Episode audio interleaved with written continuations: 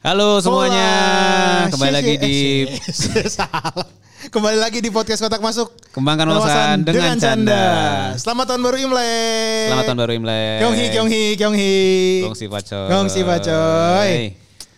Gila ya Nick ya. Kita ngomongin Imlek loh sekarang. Iya, karena kebetulan Apa? istri lu kan Iya, merayakan. Merayakan. Gue ini udah Imlek ke berapa ya? Ke 8 atau ke 9 gue. Wah, lama juga. Oh, dari Iya, kan, pacaran. dari pacaran. udah dibawa ke rumah, udah dibawa ke rumah berarti, Bang. Udah dong, udah dong. Karena eh, buat gua Imlek itu suatu hal perayaan yang cukup menyenangkan. Oke, meriah ya. Meriah, meriah. Warnanya merah udah jelas kan. Emang gimana sih, Bang, susunan acaranya kalau tahun baru Imlek? Ah, inilah nih orang Batak yang disuruh jelasin Imlek nih. Ya biasanya sih kalau eh, yang gua alamin ya, Iya, iya. sebelum Imlek ada namanya malam Imlek. Malam Nah, Imlek. malam Imlek itu kita makan bareng satu keluarga, satu keluarga besar lah biasanya Oke. eh, saudara eh, dari istri gue atau enggak dari nyokapnya segala macam ya internal masih internal ring satu makan malam bareng bersyukur ya itu makan malamnya nggak mesti meja bundar kayak di film Cina ya Kebayangnya dari tadi tuh gua meja bundar sih, Iya. Gua juga Iya, apalagi yang ada sebenarnya- yang ada kaca yang Iya, kacanya diputar-putar. muter-muter. dan itu kan ada polanya juga jadi Oke. yang boleh ngambil duluan tuh yang lebih dituakan Oke, oh Kayak siap. gitu-gitu terus yang lebih muda ya belakangan dan itu memang makanannya juga diatur nih main course-nya apa segala macam Oh gitu. Iya. Maksudnya itu menunya selalu sama tiap tahun apa bisa ya? bisa beda-beda tapi ada misalnya kayak ada bebek ayam atau ada mie Oke. atau apa nah itu macam-macam lah biasanya dan itu meja muter ya gue sih nggak mesti gitu ya walaupun menyenangkan sih biasanya sih nah cuman kalau di imlek itu eh lu tahu sio lu nggak atau nggak eh, zodiak chinese lu nggak nih lu tahun berapa 91. nggak tahu gue Gua nggak- Kayaknya kalau apa kayaknya sih eh apa ya lupa tikus apa? Nah kalau gua gua kan 87, gua kelinci. Nah sio di Cina itu tuh atau eh, zodiak ya kata orang zodiak Chinese itu ada 12. Oke, ada 12. Nah, ada kambing, anjing, babi, mo eh so, aduh babi, monyet, macan, kuda, ayam, naga, kelinci, kerbau, tikus, ular. Hmm. Banyak ya hewan semua coy, hewan semua. Yang mistis cuma satu, naga. Waduh, itu naga itu kan Naga. identik dengan apa? Apa? ya? Binatang nasionalnya Cina ya sebenarnya. ya? Betul. Dan udah ada di pick sekarang. Naga paling panjang di pick Oh dua. ada ya, ada, ya, ada ya. Oke, gue mesti Naga ke sana emas. nih. Jadi eh, Sio Naga ini yang eh, di 2024 Sionya Naga. Oh 2024 sionya naga. Nah, makanya gue berasumsi nih, kenapa banyak wedding di akhir tahun 2023 sama Oh. 2024? Mereka pingin baby dragon nih.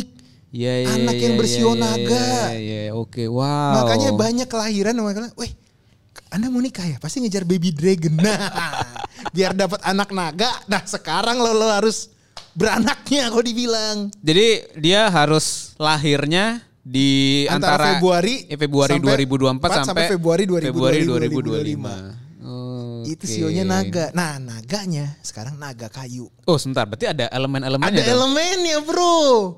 Apa aja tuh elemennya tuh? Ah, ini gue takut salah. Tapi setahu Yang tahu yang, gue yang lo tahu aja. ya tanah, Oh, ada tanah. air, api, eh, emas kalau nggak salah ada. atau ada apa. besi Oh. juga kalau nggak salah. Kayaknya, kayaknya, kayaknya. Gue juga takut salah yang ini nih. Nah cuman kalau kemarin karena ini naga kayu, tahun baru 2023 ke 2024 tuh Nick, gue nginepnya di harus ada kayu-kayunya kemarin. Ah, di Bandung lo jangan. Kagak dong, Bandung mana ada? Ada yang gaya itu. Eh itu kan tulisannya. Nah, Daerahnya mana ada? Di Lem. Jakarta banyak nih, apa tuh? pondok bambu. Ada kayunya. Ini beneran, Bang. iya, kagak. Ini versi gue ya. Oh ya. Kayu putih ada kayunya. Oh, harus ada kayunya bukan Ah, kalau gua- kalau bukan bu- bangunannya. Bukan, bukan. Oh. Jalannya ada kayunya kalau versi gua nih, versi gua pribadi ya. Lo tau gua nginep di mana? Kan kalau di Kayu Putih, Pondok Bambu, hotelnya sama kemeriahannya nggak banyak lah. Heeh. Gua nginepnya tau nggak di mana? Kelapa Gading. Kenapa? Kelapa kan kayu.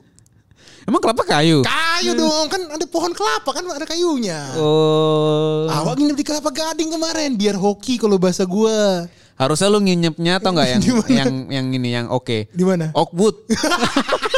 itu gue nggak punya uang nih anjir gue nginep di Hokut bisa miskin tapi eh, ini bercandaan gue ya cuman di naga kayu ini biasanya eh, masyarakat Chinese lah ya Hmm. itu dia memprediksi membawa kesuksesan serta keberuntungan Ya. untuk orang-orang yang sionya E naga Sangat ditunggu-tunggu ya. Ya walaupun tahun 2023 kan sionya kelinci. Gua apes-apes aja sama. Tapi memang kalau dibilang ini kan suggestion Ya. atau enggak eh, eh, kalau dibilang mungkin urban legend gitu Ya. ya. T- eh, ini yang gue rasain di Jakarta nih. Nah lo kan di Singapura nih kemarin. Eh, Itu gimana nih? Ya, jadi kalau di Singapura ini menarik-menarik banget karena ya salah satu dari dosen gue itu kan dia meneliti mengenai behavior. Hmm, oke. Nah, di mana di Singapura itu 80% adalah keturunan Cina. Betul. Gitu kan. Eh, yang sudah bermigrasi baik itu dulu ex dari Malaysia atau memang dari awal memang sudah di Iya. Singapura. Nah, jadi profesor gua itu meneliti Hmm. Eh, salah satu hal yang diteliti adalah bagaimana behavior orang-orang itu terhadap anak yang lahir di tahun naga Wih, ngeri. gitu. Jadi secara riset memang tingkat eh, kelahiran dari anak-anak Singapura itu paling banyak ada di tahun naga. Baby Dragon, bener Baby dong? Dragon, yang gua bilang? benar gitu. Karena memang dipercaya di tahun itu bisa membawa kesejahteraan lah gitu. Oh. Prosperous lah Hmm, gitu. Jadi eh, ada istilahnya kepercayaan atau memang ya diharapkan bisa membawa berkah untuk keluarganya Hmm. gitu. Jadi itu yang terjadi. Nah, tapi yang diteliti bukan itu dong sebenarnya. Kalau teliti cuma itu doang, anak-anak SMA juga bisa. Dia hubungannya gimana ke behavior? Jadi kebiasaannya gini, eh, profesor gue tuh mencoba meneliti bagaimana anak yang lahir di tahun naga itu Mm-hmm. bisa mendapatkan pekerjaan dan juga berprestasi Oke, oke. gitu. Jadi mau coba dilihat di sana karena eh, ada fenomena yang menarik. Mm. Justru sebenarnya ini mungkin agak sedikit memberikan fakta yang agak ini ya eh, berseberangan. gitu. Mm-hmm. Berseberangan, nah. Karena anak yang lahir di tahun naga itu sangat banyak, sementara sekolahnya itu juga sama-sama aja jumlahnya. Otomatis persaingan jadi lebih ketat. Iya, iya, iya. Persaingan menjadi lebih ketat artinya apa? Anaknya menjadi lebih cepat stres. Mm, bener, bener, bener. lebih cepat stres eh, karena persaingan ketat. Nah ini pada saat dia SD, SMP, SMA makin tinggi, dia mulai mempertanyakan kenapa ya kok hidup gua seperti ini susah, penuh tekanan. Padahal kan gua harusnya ini eh, mendapatkan berkah nih gitu. Nah jadi memang orang itu ya akhirnya ada apa ya? Ada elemen ya ini adalah sebuah kepercayaan. Tetapi di dunia asli, di dunia nyata kepercayaan ini ternyata membawa implikasi ke anak gitu. Jadi sebenarnya kasihan juga sih anaknya gitu. Nah, impactnya lagi adalah ketika dia mencari pekerjaan. Karena rame juga di tahun Karena lalu. rame juga orang yang mencoba apply. Nah, gitu. Iya, iya, iya, iya, iya, Gitu. Nah, jadi eh, ya mungkin buat ya teman-teman lah Iya, ya, iya, iya. teman-teman kita yang mem- memiliki Merayakan. planning, Ah, wah. memiliki planning untuk punya anak di, Di tahun tahun naga, mungkin bisa didiskusikan kembali. Tapi ini mungkin gue tambah nih. Kan profesor lo kan dan neliti nih kayak. ya. Tapi kalau ini digabung sama elemen, Mm-mm. elemen naga kayu itu 60 tahun sekali putarannya nih. Apa tuh maksudnya tuh? Jadi Bang? gini, kan tadi kan ada elemennya air, Iya, iya. Mm-hmm. api, kayu, logam gitu ya. Jadi untuk naga kayu itu baru ketemu lagi 60 tahun lagi. Oke. Nah, mungkin profesor lo itu untuk elemen yang lain. mungkin, nah, ya. mungkin ya, mungkin ya. Nanti kita baca tesisnya ya. Tapi kalau elemen kayu nih katanya Hmm. itu mencerminkan sikap sifat kreatif dengan tingginya rasa penasaran dalam banyak hal. Oke. Siapa tahu yang lahir di Baby Dragon ini kreatifnya tinggi. Jadi nggak Oke. semuanya lewat sekolah. Jalur Ya. YouTuber, TikTok, ya Usaha, kan? usaha, siapa tahu bisnis. bisnis bisa. Nanti lu cerita ke profesor lo di sana, Prof, saya punya teman agak gila, Prof.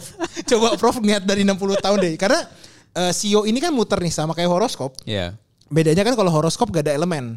benar. Tapi kalau di zodiak Chinese ya dia ada elemennya. Nah ini memang elemen ini yang menambah eh, eh, asumsi atau menambah Ya. prediksinya gitu loh. Jadi untuk teman-teman yang merayakan kami mengucapkan terima kasih, selamat merayakan juga. Eh kita juga agak takut salah ya. Tapi- Tapi eh, intinya kalau mau memplanning anak atau memplanning investasi di tahun naga, mau di tahun naga, tahun anjing, tahun yang kelinci kek ya kan? ya, Tetap berhati-hati. benar-benar. Jadi sebenarnya nggak salah juga sih kalau kita misalnya mempunyai kepercayaan gitu ya Betul. mengenai eh, CEO ataupun tadi elemen gitu. Cuman mungkin yang perlu disikapi adalah eh, faktanya di lapangan atau di dunia nyata juga perlu diperhatikan gitu. Betul. Tapi di Indonesia sebenarnya juga mungkin nggak terlalu jadi concern karena kita kan kebanyakan eh, orang-orang yang lahir dari indigenous area gitu. Hmm. Jadi kalau orang Sumatera ya orang Padang, orang Medan, kemudian Batak gitu ya, terus Jawa gitu. Jadi mungkin kalau yang keturunan Cinanya juga ada tersebar, tapi mungkin nggak terlalu banyak sehingga menyebabkan persaingan yang Baby terlalu big. ketat gitu loh di pendidikan ataupun pekerjaan. Jadi sah sah aja gitu. eh, Tapi sorry, ini gue tambahin satu lagi informasi. Ketika eh, Baby Dragon 2024 ini jadi hype nih, Iya. karena ada kebijakan, kalau gua nggak salah ya, di RRC Republik Rakyat Cina itu menambah satu anak, Iya, wajib iya. menambah satu anak. Jadi harus ada dua anak dalam satu rumah tangga. Makanya lahirnya di sini semua. oh. Jadi mereka punya kebijakan di tahun 2023 untuk menambah satu anak lagi per rumah tangga dan di ngepasin sama Baby Dragon. Oh, pas banget Di ya. sana padat, di sini padat, Diko. Karena kan di sana kan udah mulai apa kayak Jepang udah mulai penurunan Ya. kelahiran. Nah, Cina juga merasa hal seperti itu. Jadi mereka ingin berlomba-lomba untuk menambah be- demografinya dia juga. Ya karena udah kalah sama India kan kalau nggak salah dari sisi jumlah populasi kan. Nah, India kan nggak punya horoskop Chinese ya. Dia- Betul. Dia, hanya ada dewa-dewa ya kan. Nah, di sinilah mereka pikir ini ngepas nih 2020. Kalau gue bilang di podcast kita di awal kan mamba mentality. Mobile mentality. Ini dragon mentality, Bro. Wood dragon. Iya. Siap, Ini siap, siap. Hokage pertama, men, Naruto, men. Emang dia apa? Naga kayu. Oh, Sarutobi tuh, eh, baru tahu. Sarutobi. Hashirama, tuh Hashirama. naga kayu nih. Ngeri, men. Ini pokoknya tahun yang pas. Siap. Gue gak tahu Hokage mana yang menang. Yang penting selamat Imlek. Sampai ketemu Sampai di episode ketemu di berikutnya. episode berikutnya. Gong si Bye, Fajoy. Gong si Fajoy. Fajoy.